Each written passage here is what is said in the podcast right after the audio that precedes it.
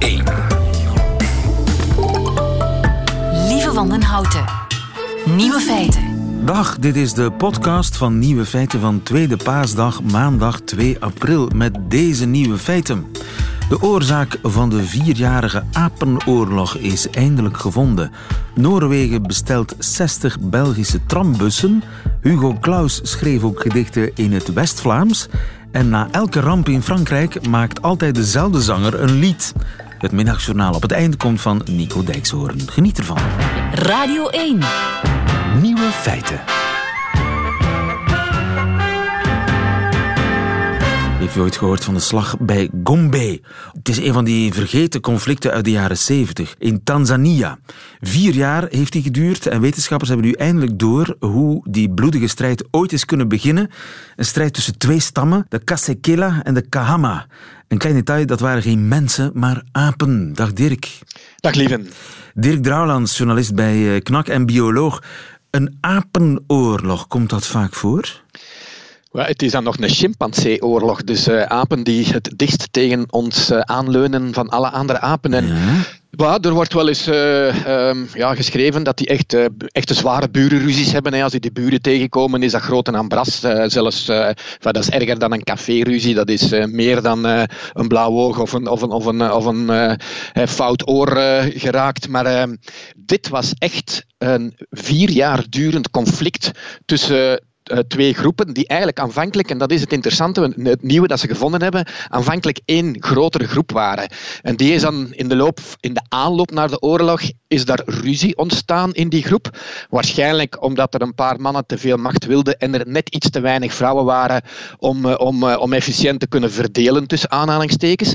En als gevolg daarvan zijn die dus eigenlijk in twee groepen, de noordelijke en de zuidelijke, dus de Kasekela en de Kahama, opgesplitst geraakt. En die noordelijke, die Kasekela, die hebben dan finaal uh, alle mannen en een paar vrouwen van die zuidelijke geliquideerd, zodat ze uiteindelijk met één groep, hun groep, dus overgebleven zijn. En dat is eigenlijk eerst een echt een burgeroorlog die, die, die ooit in de chimpanseewereld beschreven is. En goed beschreven, uitstekend beschreven uh, door Jane Goodall, hè, die erbij stond en op te kijken. Ja, het bizarre is dat ze dus wel uh, die oorlog hadden beschreven in een tijd, maar dat ze niet goed wisten wat dat de aanleiding was. En, uh, en men heeft dan een tijd gedacht dat dat, uh, ja, Jane Goodall die gebruikte, aanvankelijk, zie, als je in zo'n bos begint naar chimpansees te kijken, je ziet daar niet veel van. Dus dat dan zo'n bananenvoederstation gemaakt om die beestjes uit het woud te lokken, zodat ze die gemakkelijker kon bestuderen. En men heeft een tijdje gedacht dat misschien daardoor ze twee verschillende groepen chimpansees bij elkaar had gebracht, die dan ruzie kregen omwille van die bananen. Aha, maar, maar dat was dus eigenlijk een foute veronderstelling, want het was één groep. Ja, voilà. En dan zijn ze dus de. Dat is, en dat is iets dat pas recent gebeurd is. Want die Jane Goodall, dat moet een meticuleuze observeerster geweest zijn. Die schreef letterlijk alles op. En heel uitgebreid in soort dagboeken. Die gaf die dieren ook namen in de plaats van nummers. Wat die een tijd not done was. Ja. En waar dat ook zwaar voor bekritiseerd is. Maar het is pas nu dat ze dus in aanloop, hè, vanaf 1967, die gegevens daar zijn gaan digitaliseren. En daardoor hebben ze daar andere analyses op kunnen maken. En zo hebben ze kunnen nagaan dat die mannen in die groep eigenlijk al, al uit een grote groep stamden en dan pas achteraf zijn opgesplitst geraakt en dan nog later zijn beginnen vechten met elkaar. Dus echt hetgeen dat je nu ziet in, in, in, in ex-Jugoslavië gezien hebt, de, de, Amerikaanse burgeroorlog zelf was er al een mooi voorbeeld van. He, dus dus dat, dat je dus, ja, in ex-Jugoslavië die, Bos, die Bosniërs, dat waren moslims en, en, en Kroaten en, en Serviërs die vroeger als één groep leefden en vervolgens viel dat uit elkaar om, omwille van een, zo, ja, een, een spitsing die men daar injaagt en die heel snel leidt tot zo'n burgeroorlog. Ja, zo dus, iets kleins, een kleine rivaliteit of, of ruzie om één vrouw, ik zeg zo maar iets, uh, ja, zijn eigen dynamiek kan ontwikkelen en dan kan dan een vierjarige burgeroorlog daaruit ontstaan. Voilà. En het, het, interessante daaraan is, want er is er zo in 1976 in een zoo in Arnhem een, een, een ruzie ontstaan tussen drie chimpansees in, in de dierentuin dan, die door Frans de Waal, die bekende Nederlandse primatoloog, want die is daar wereldberoemd mee geworden. En, en ik heb altijd gedacht van, ja, Geert, dat is een, dat is een situatie geweest in, in heel uh, kleine omstandigheden. Die, die ondergeschikte dieren, die konden niet gaan lopen, dus die moesten wel afgeslacht worden. Maar eigenlijk, als je dat ziet wat daar toen gebeurd is, dat is exact hetzelfde als ze nu beschrijven voor het wild. Dus dat ja, echt zo ja, bij, bijna een Shakespeareaanse tragedie ja. om uit seks. Ja, die, die dus niks te maken heeft met territoriumdrang of met voedseltekort. Of, nee, die, eigenlijk gewoon puur uh, hormonen, uh, macht, jaloezie. Ja, dit geval is dat echt effectief. Het, uh, het doet mij zo'n beetje denken, want je moet er altijd voorzichtig mee zijn natuurlijk. Maar ja, omdat ze, dus, uh, Frans de Waal heeft zijn ervaringen toen uh, beschreven in een boek die chimpansee-politiek getiteld is geweest. Maar ik, ik kon toch niet anders dan, als je de voorbije maanden ziet wat er in Antwerpen gebeurd is, met eerst een coalitie van Groen en SPA die samengaan tegen de grote leider Bart de Wever. En uiteindelijk wordt die coalitie dan uit elkaar gespeeld doordat ze daar een figuur viseren, hè, Tom Meus om niet te noemen, die ze zowel op macht pakken als op seks. Hè, met die relatie die, die, die er dan geweest is met iemand uit het vijandige kamp, dan denk ik bij mijn eigen van... Ja, ja, we zijn weer in Gombe. Voilà, we zijn weer in Gombe. We hebben er niks van geleerd. En als het, het is te hopen dat het daar rapper opgelost geraakt dan in Gombe. Want daar, Gombe, want daar heeft het vier jaar geduurd. Voor, vier jaar. En, en is er dan echt ook een soort frontlinie, een, een, een grens? Nee. Ja, ja, er, ja, er is een soort. Uh, er is zo'n, het gaat eigenlijk vooral met raids. Dus ze zitten dan op een gegeven moment, dus die dominante mannen. En, en, en, en ook daar, die Humphrey, hè, dus een alfaman, de, de, de, dominante man uit de Casikela-groep, de noordelijke groep. De generaal, zeg maar. De, voilà, ja, letterlijk een generaal, want dat was blijkbaar ook een heel groot beest die ook geleerd had dat hij met stenen kon gooien naar de anderen, wat de anderen niet konden, dat heel afschrikwekkend was.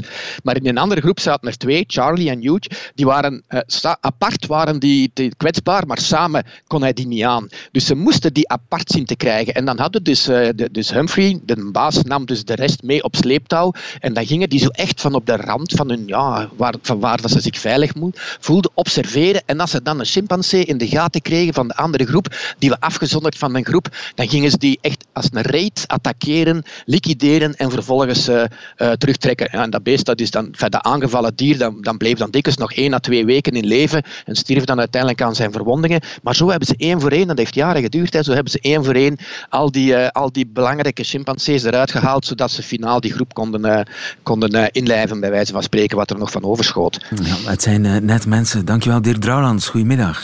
Goedemiddag, lieve. Nieuwe feiten. Coucou de France. Met Alex Visorek. Het is uh, niet zozeer een coucou de France die ik uh, vandaag krijg, maar een coucou de Pâques van mijn uh, France Inter-collega en onze spion in Parijs, Alex Visorek. Goedemiddag. Goedemiddag. Wel, hier is het de klokken, les cloches, die eieren brengen. Uh, cloche is ook een werkwoord in het Frans om te zeggen dat er een probleem is. En dan zegt men, uh, il y a quelque chose qui cloche. En deze week precies is er iets qui cloche. In mijn uh, paasmand heb ik eerder niet zo vrolijk nieuws uit Frankrijk gekregen. Oei. Vrijdag 23 maart was het een zwarte dag. ten eerste de moord van Mireille Knoll, een 80-jarige Joodse ja. vrouw die een uh, holocaust overleden was. En uh, ten tweede de terroristische gijzeling in uh, een supermarkt. Ja. Minder was genoeg om Frankrijk in shock te brengen. Maar om zijn weerstand te tonen had Frankrijk één held, kolonel Arnaud Beltram. Hij is de politieagent die vrijwillig de plaats van een gijzelaar innam, haar leven redde en daardoor overleden is. verleden week gaf Frankrijk hem een nationale hulde en Jean-Luc Mélenchon een indrukwekkende toespraak in l'Assemblée nationale. En ce sens, le lieutenant-colonel En ce sens, le lieutenant-colonel Beltram est un héros de la condition humaine. Voilà, de grote woorden worden niet geschuwd in l'Assemblée nationale. Nee, een held van de mens. Ja, en het is een uh, neveneffect van deze trieste situatie. Mélenchon, extreem links, kreeg een standing ovation van oppositie en van meerderheid. Dat is nooit gebeurd, maar sommige politici hebben minder gevoel voor goede reactie dan voor politisering. Het is het geval van extreem rechts Marine Le Pen. Na de verschrikkelijke moord op Mireille Knoll was er woensdag een protestmars georganiseerd georganiseerd tegen antisemitisme met duizenden mensen. Het was expliciet gevraagd aan Mélenchon en Le Pen om niet te komen omwille de geschiedenis van hun partijen met antisemitisme. En daar kwam Le Pen opdagen. Écoutez, ça fait des années que nous dénonçons et nous luttons contre l'antisémitisme islamiste et par conséquent nous sommes particulièrement à notre place ici. We zijn hier wel degelijk op onze plaats, zegt Marine Le Pen, maar ze werd niet echt uh, met egaars ontvangen. Ja, inderdaad. En hetzelfde gebeurde voor Mélenchon. Met hulp van hun veiligheidsdiensten moesten ze weg. Het is al lang dat de FN tegen antisemitisme vecht, zegt eh, Le Pen. En toevallig vond deze mars plaats op de dag waar Jean-Marie Le Pen definitief veroordeeld werd omwille zijn uitspraak dat gaskamer maar een detail van de geschiedenis waren. Daarvoor was hij al vroeger veroordeeld, maar in 2015 werd hij weer geïnterviewd en... Oui, absolument, je les maintiens, parce que je crois que c'est la vérité et que ça ne devrait choquer personne. Voilà, uh, het probleem uh, ziet hij helemaal niet. Alors que je mets au défi quiconque de citer une phrase antisémite dans ma vie Des politique. millions de morts, c'est un point de détail. C'est pas un million de morts, c'est les chambres à gaz. Ja, maar elke dramatische gebeurtenis in Frankrijk heeft ook één dramatische neveneffect, namelijk een uldesliedje van Francis Lalanne. Francis Wie is Francis Lalanne? Lalanne? Ja, ken ik niet. Ja, kent u hem? Nee? Ah, het is een, een liefdeszanger met uh, paardenstaart, lange laarzen en een gitaar. Oh. Zijn bekendste liedje is dit. Reste avec moi, Is dat niet schoon, lieve? Ah, ik smelt. kunt wenen. ja, maar waar is mijn zakdoek? Ja, en nu maakt hij minder liedjes, behalve na aanslagen. Uh, ja, het is raar om te zeggen, maar zo is het. Uh, het startte in 2015 met Charlie Hebdo en zijn Je suis Charlie. Je suis Cabu, je suis Tignou, je suis eux parce que je suis nous, c'est le fait d'être humain qui nous relie. Je suis humain, je suis Charlie. Dat is toch, uh, dat, dat, dat is toch niks mis mee eigenlijk, hè? Nee, nee, niks mis, maar we hadden ook niks gevraagd. Uh, daar hebben we uh, niks gezegd voor deze liedje, want het was toch over vrijheid en meningsuiting. Maar dan voelde Lalanne dat hij over de vluchtelingscrisis moest zingen. Je ne veux plus voir tous ces gens mourir sous les roues d'un train partant pour le pays qui ne veut pas les recevoir. Daar komen de aanstekers alweer boven. Het probleem is dat we triester zijn voor de loopbaan van Francis Lalanne dan voor het goede doel dat uh, hij verdedigt. En het was dan te vrezen dat de heroïsche tragedie van Arnaud Beltrame hem inspireerde. Un homme est mort, Arnaud Beltrame, officier de gendarmerie. alles kan beter, zei Mark uit de Roeven, maar met Francis Lalanne kan alles ook slechter.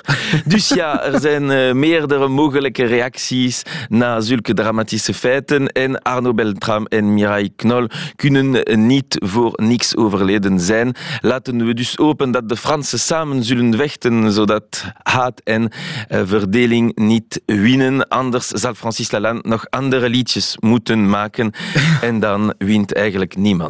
Ja, dat is pas een uh, aansporing om, om het beter te doen. Dankjewel, Alex Visorek, onze man in Parijs. Goedemiddag, tot volgende week. Bla, bla, bla. Nieuwe feiten. Bla, bla, bla. Radio 1.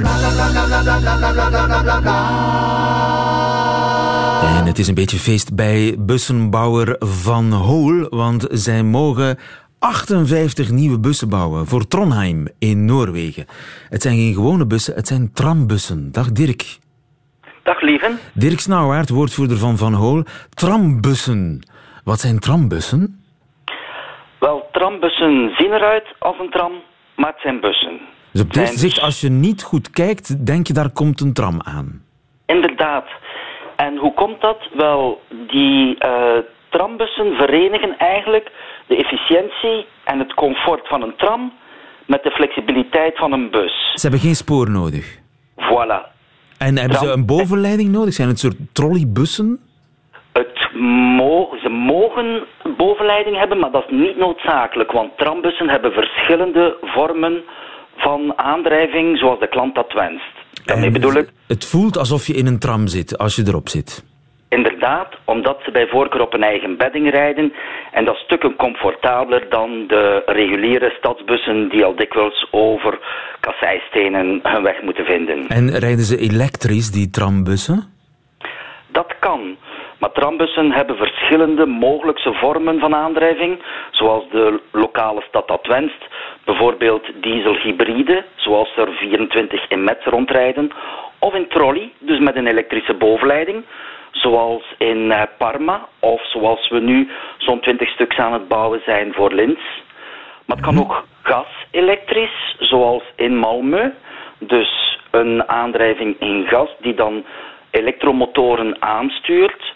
Maar het kan nu ook, sinds een aantal maanden, bouwen we nu ook trambussen op waterstof. Waterstof, dat klinkt heel explosief. Wel, dat is niet zo. Uh, maar wat het goede is aan waterstof aangedreven trambussen, is dat ze geen negatieve, slechte, milieuonvriendelijke uitstoot hebben. Hun uitstoot van zo'n voertuig is waterdamp. Ja, het rijdt eigenlijk elektrisch, hè? De motor is elektrisch en alleen maakt hij zijn eigen elektriciteit met waterstof. Zo is dat. En uh, hoe gaan die bijna 60 bussen voor Noorwegen rijden? Die bussen gaan um, diesel-elektrisch rijden, dus een dieselmotor die de elektromotoren aandrijft. En bovendien gaan ze ook energie recupereren tijdens het remmen. Dus als zo'n Een soort hybride, zeg maar. Voilà, een dubbel aangedreven of een hybride voertuig. Zeg maar, zo te horen zijn die trambussen een geweldig succes. Die rijden overal in Europa. Uh, waarom rijden die niet bij ons? Nog niet, lieven. Ze komen eraan. Er zijn er namelijk 14 besteld door de lijn. Die vanaf de tweede helft van volgend jaar, 2019, in de noordrand van Brussel zullen opereren of zullen rijden. En dus passagiers gaan vervoeren van de Heizel over Vilvoorde naar de luchthaven van Zaventem. En dat zal uh, lawaai maken? Ik bedoel, zal dat diesel zijn of rijden die elektrisch? Die zullen hybride rijden, diesel-elektrisch rijden. Dus veel minder uitstoot hebben dan de reguliere oude dieselmotoren. Ja. En het zijn ook super lange bussen, hè? Wel, het zijn, je hebt de keuze, lieven, ofwel uh, 18 meter uitvoering of 24 meter uitvoering.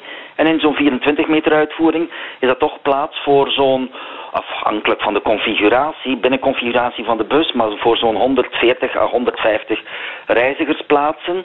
Met twee zitplaatsen, twee plaatsen dan ook nog voor uh, rolstoelgebruikers of voor kinderwagens. ik kijk er geweldig naar uit. Uh, nu, die uh, trambussen, bijna 60 gaan jullie er bouwen voor Trondheim in Noorwegen. Dat lijkt mij een belangrijke bestelling. Moet er personeel bij komen in Koningshooit? Wel, dat is inderdaad een, een, een, hele grote bestelling. Net zoals trouwens die 14 voor Vlaanderen. Omdat het toch een visitekaartje is naar het buitenland. Maar effectief, we hebben vrij recent ook een groot order afgesloten. 40 stuks waterstofbussen voor Keulen. Dan dit belangrijke order van 58. De heropleving van de economie. Al bij al zoeken we nu ruim 200 medewerkers. 200 extra werknemers voor Van Hool, want het gaat goed met onze Vlaamse bussen. Zeg maar Wim Snauwaard, of wat zeg ik, Dirk Snauwaard. Dankjewel, goedemiddag. Graag gedaan, lieve, tot Boris. Nieuwe feiten. Tien jaar na zijn dood is Hugo Claus springlevend, zo lijkt het wel. Er zijn lezingen, tentoonstellingen, hommages allerhande. En Clara bijvoorbeeld bracht een prachtige reportagereeks, De Sporen van Hugo Claus, waarin de meester, en dat is voor velen toch een nieuw feit, feilloos West-Vlaams sprak. Dag Mark. Goeiedag. Mark Schavers, jij bent uh, biograaf van Hugo Claus. Ik hoorde op uh, Clara Hugo Claus West-Vlaams spreken. Hoe uniek is dat? Uniek is het verkeerde woord, maar het is toch zeldzaam dat je zo'n opname hoort, denk ik. Er is bijvoorbeeld wel een opname als hij met Cees Notenboom na het verdriet van België in 83 door Kortrijk loopt en, en dan spreekt hij een jongetje aan en bij wijze van demonstratie haast dat hij het Kortrijks nog beheerst, spreekt hij dan ook wel wat Kortrijks. En er zullen nog wel opnames... Ik zoek zelf bijvoorbeeld nog naar een opname van de vroege jaren 50, dan zit hij in Parijs en Rudy Kousbroek, een vriend schrijver, heeft zo'n magnetofoon gekocht en die neemt daar dingen mee op, allemaal nog nieuwe technologie toen. En dan heeft Klaus naar verluid ook wel wat vieze verhaaltjes in het Kortrijks verteld. Dus dat zou ook nog leuk zijn om te zien. Maar meestal sprak hij zelfs in de intieme omgang, in de gewone omgang, sprak hij dat accentloze, typische Hugo Claus gepolijste Nederlands. Hè? Ja, gepolijst, dat is nog uh, een goede woordkeuze. Je moet opletten, het, het luisterde nauw bij Klaus hoor, of hoe men zijn taalgebruik taxeerde. Want hij, kwam natuurlijk vanuit een dialect. Ik denk dat hij tot zijn twintig zo wel uh, dialect uh, gesproken heeft. En er is trouwens een, een, een brief die dat bewijst van zijn vrouw, Ellie, die nog voor ze Hugo kende, kende die Harry Mulisch. Ze had hem eens bijna omvergereden op straat toen ze leerde autorijden. En als ze Hugo net ontmoet heeft, schrijft ze hem een briefje hey, uh, Harry, ik heb nu een goede vriend, uh, nog gekker dan jij. Hij schrijft goede gedichten, rare romans en hij spreekt vier talen, maar hij babbelt dialect. Ja, ja. En Ellie, dat, Ellie was een Nederlandse, hè? geboren weliswaar in Oostende, maar van Nederlandse ja. origine. Ja. Ja, en daar zit dus dan de grote switch. Hè. Bedoel, dan heeft hij zich eigenlijk aangepast aan het uh, taalgebruik van Ellie, laten we maar zeggen, of aan uh, dat van zijn Nederlandse vrienden in Parijs. Hij, hij reisde regelmatig naar Amsterdam. En dan krijgt hij een, ja, een andere toonaard, laten we maar zeggen. Sommige mensen zullen het bekakt genoemd hebben. Er is één iemand die het dus pedant Hollands genoemd heeft. En dat was zijn jeugdvriend Jan Burses. Ja. En uh, die zal het geweten hebben, want Klaus was daar gewoon uh, woest om. Hè. Ik heb net een, een, bloemlezing gemaakt. Het verdriet staat niet alleen. En daar heb ik een column in opgenomen waarin Klaus dus die Bursens helemaal afbrandt. Hij, hij noemt de aanleiding gedeeltelijk, maar dus hij is gewoon woest op iemand die ze, ja. uh, hem op zijn taalgebruik pakt daar. Oh, Bursens. ja. ja. Uh, nu, hij, hij, was meerdere dialecten meester, hè, want het, we kennen zijn Kortrijks, maar hij sprak ook feilloos Deens. Hè? Dat moeten Deinzenaars inschatten. Als Limburger ga ik me niet moeien welke uh, dialecten hij precies beheerst. Het is duidelijk, dat heeft hij dikwijls gezegd, dat hij het Brugs een mooi dialect vond, maar daar is hij alleen maar geboren, dus dat zal hij zelf niet uh, helemaal beheerst hebben. Oostens had hij ongetwijfeld noties. Gens vond hij ook een heel leuke taal. Hij bootste die allemaal wel na, maar ik denk niet dat hij ze allemaal actief uh, in, in, in groepsverband gebruikte.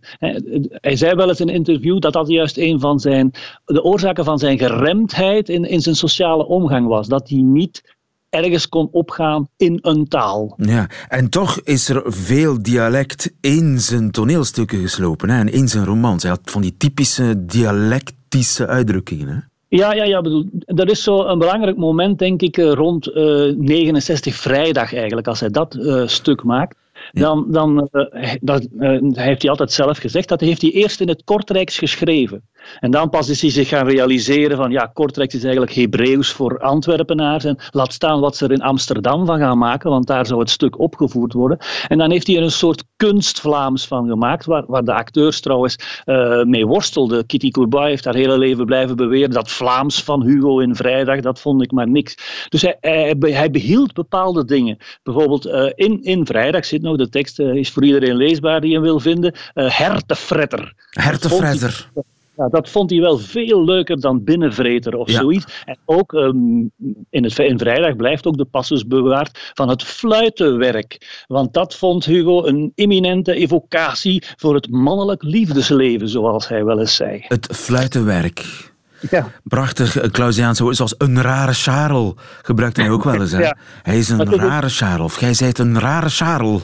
het is in die periode dat hij dat begint aan te wenden. En uit die periode, de tekst die Clara al uitzond, stamt ook uit die periode, want het is uit de bundel van Horen Zeggen, uh, waar hij een soort spreekpoëzie, er zitten zo een paar van die gedichten in. Ook uh, iemand die zegt, uh, ik werk in de produit chimiek, meneer, daar in, in het Brugse. dus dan zit hij daarmee te experimenteren. En het is geleidelijk aan, in 1978 is, is belangrijk ook, als hij de roman Het Verlangen schrijft.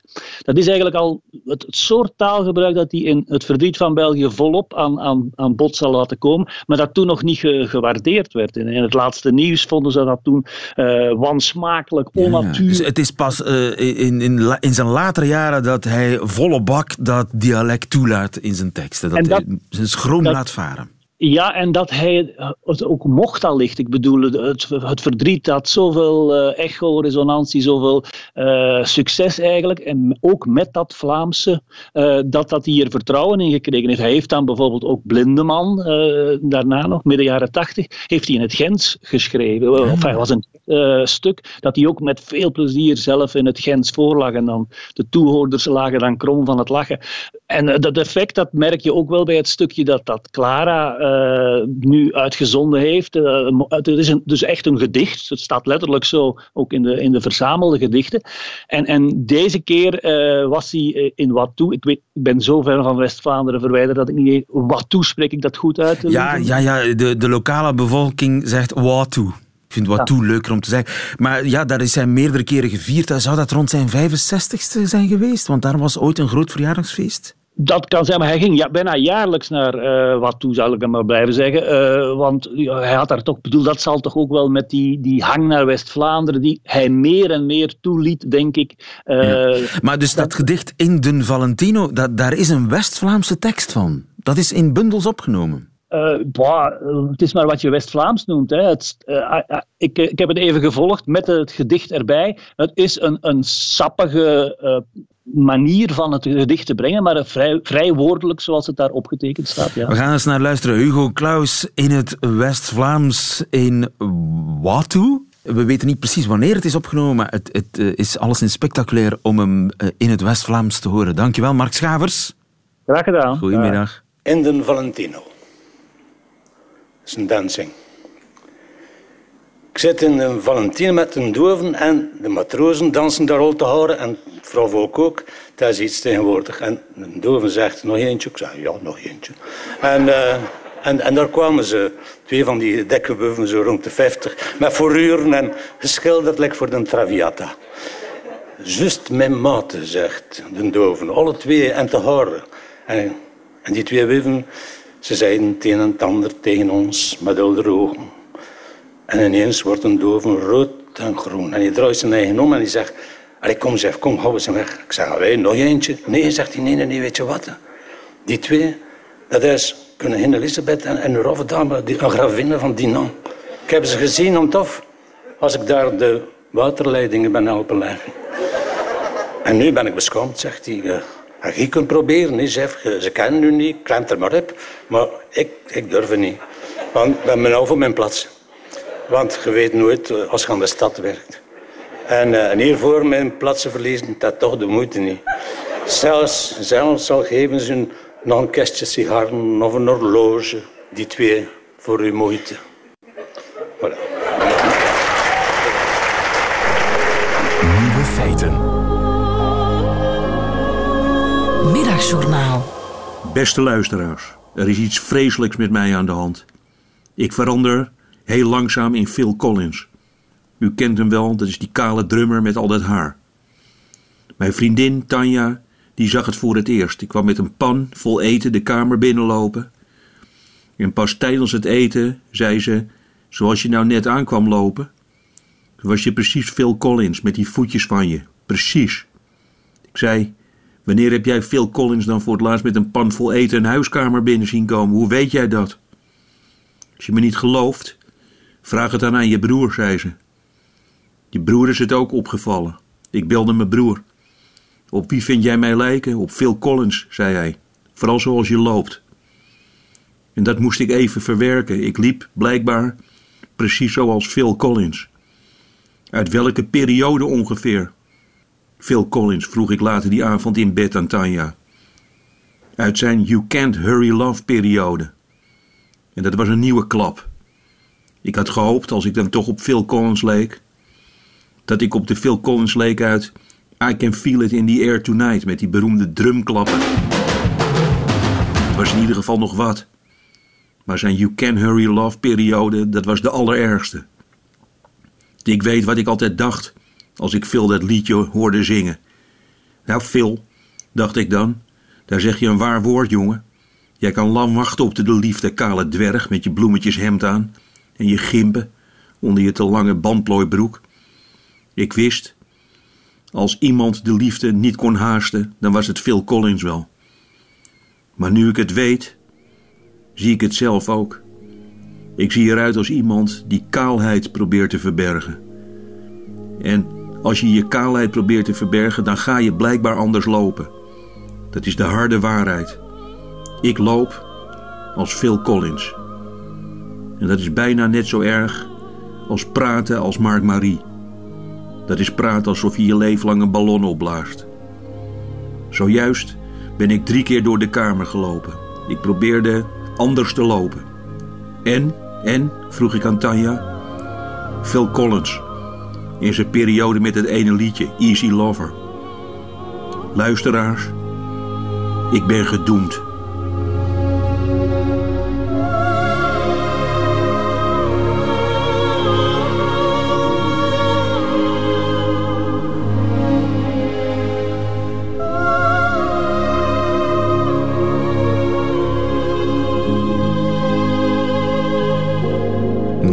Dijkshoorn in het Middagjournaal. Er zal heel wat afgestaard worden in etalageramen de komende dagen en weken.